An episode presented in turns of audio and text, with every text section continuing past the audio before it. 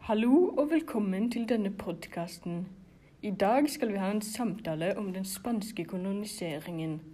Mitt navn er Dan Raymond René, og velkommen til deg, Tanja Leila Gaup. Takk. Hallo. Velkommen til deg også, Per Hansen. Hei. God dag. Per, jeg ser at du lurer på noe. Ja, jeg bare lurer på, hva skjedde når Spania erobra Inkaens Eh, ja, etter at Spania hadde erobra Inkaens rike, så ble gull- og sølvstrømmen fra Amerika til Europa og Asia mye større. Etter det så ble Spania et internasjonalt stormakt.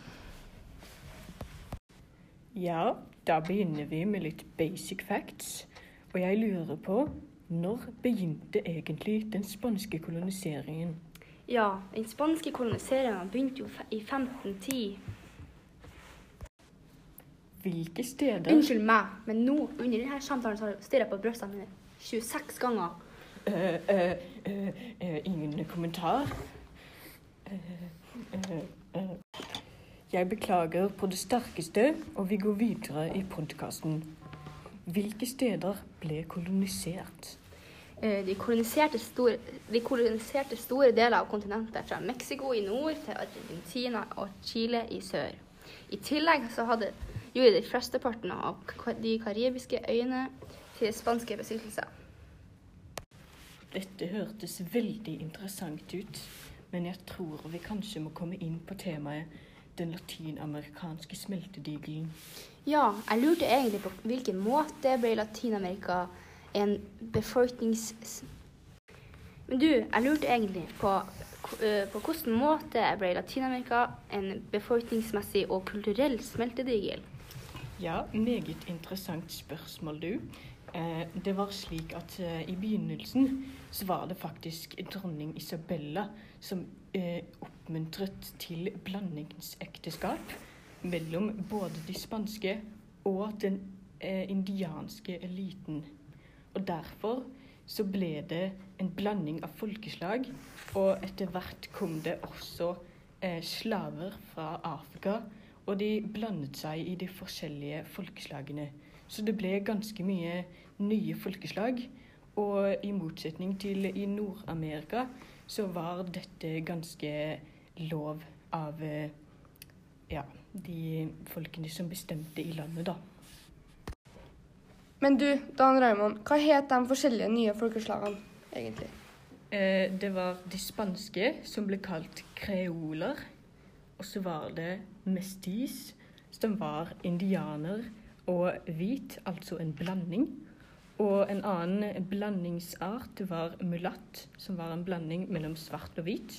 Og så var det sambo, som var indianer og svart blanding. Interessant. Ja. Eh, hvordan var friheten til de forskjellige folkeslagene? Vel, eh, selv om de spanske folkene hadde akseptert blandingsekteskap, så eh, ble fortsatt de andre folkeslagene sett veldig ned på og sett på som mindreverdige. Og eh, derfor oppsto det gradvis en slags apartheid i koloniene. Eh, koloni, eh, kreolene hadde mest rettigheter, og de bestemte hvor de andre folkeslagene skulle bo, og hvilke rettigheter og plikter de hadde. Og øverst var eh, selvfølgelig kreolene i dette klassesystemet, og lenger ned var indianerne, mestisene, mulattene og samboene. Og helt på bånn var slavene. Det var veldig interessant å høre, men bare lurt, siden de var så mange og så forskjellige, hvordan var religionen deres? Eh, Etterkommerne av slavene eh, de holdt jo fast på mye av kulturen de hadde med seg. Og eh, også eh, kristendommen var ganske viktig eh, som eh, ja, en stor religion i Latin-Amerika. Og de konverterte, men eh, de holdt også fast på kulturen og religionen fra de plassene de kom fra.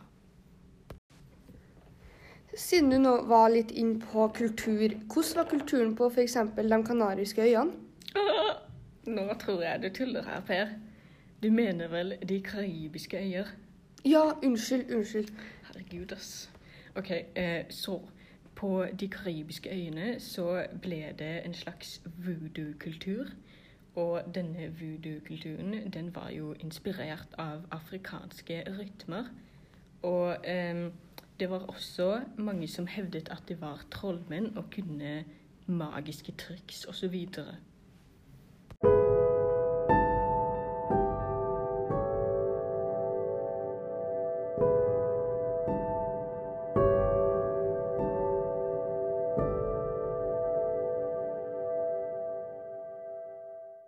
Har dere noen flere spørsmål til meg? Hmm, nei. Jeg har ikke det, i hvert fall. Men jeg har et spørsmål til deg, Per Hansen. Eh, hvordan fungerte den spanske kontrollen over kol- koloniene egentlig? Eh, kontrollen var i teorien absolutt, men i praksis ofte begrensa. Og hvordan det? Nei, de hadde en relativt liten administrasjon, og spanske soldater styrte ofte enorme områder og endte opp i mindretall. Det gjorde det vanskelig for dem øh, det gjorde det vanskelig, Unnskyld. Det gjorde det vanskelig, for de styrte områder med liten spansktalende befolkning. Eh, men hva var det det her førte til? Det førte til at det ble mulig for både indianerne og svarte å gjøre opprør. Eh, Du, har du noen eksempler på det her egentlig? Ja, Slavene rømte fra plantasjene og til avsideliggende strøk. Og myndighetene var også på vakt mot maronerne, som plyndra konvoier som kom med varer. Da sier vi takk for oss og ha det bra. Takk for oss. Ha det! Ha det.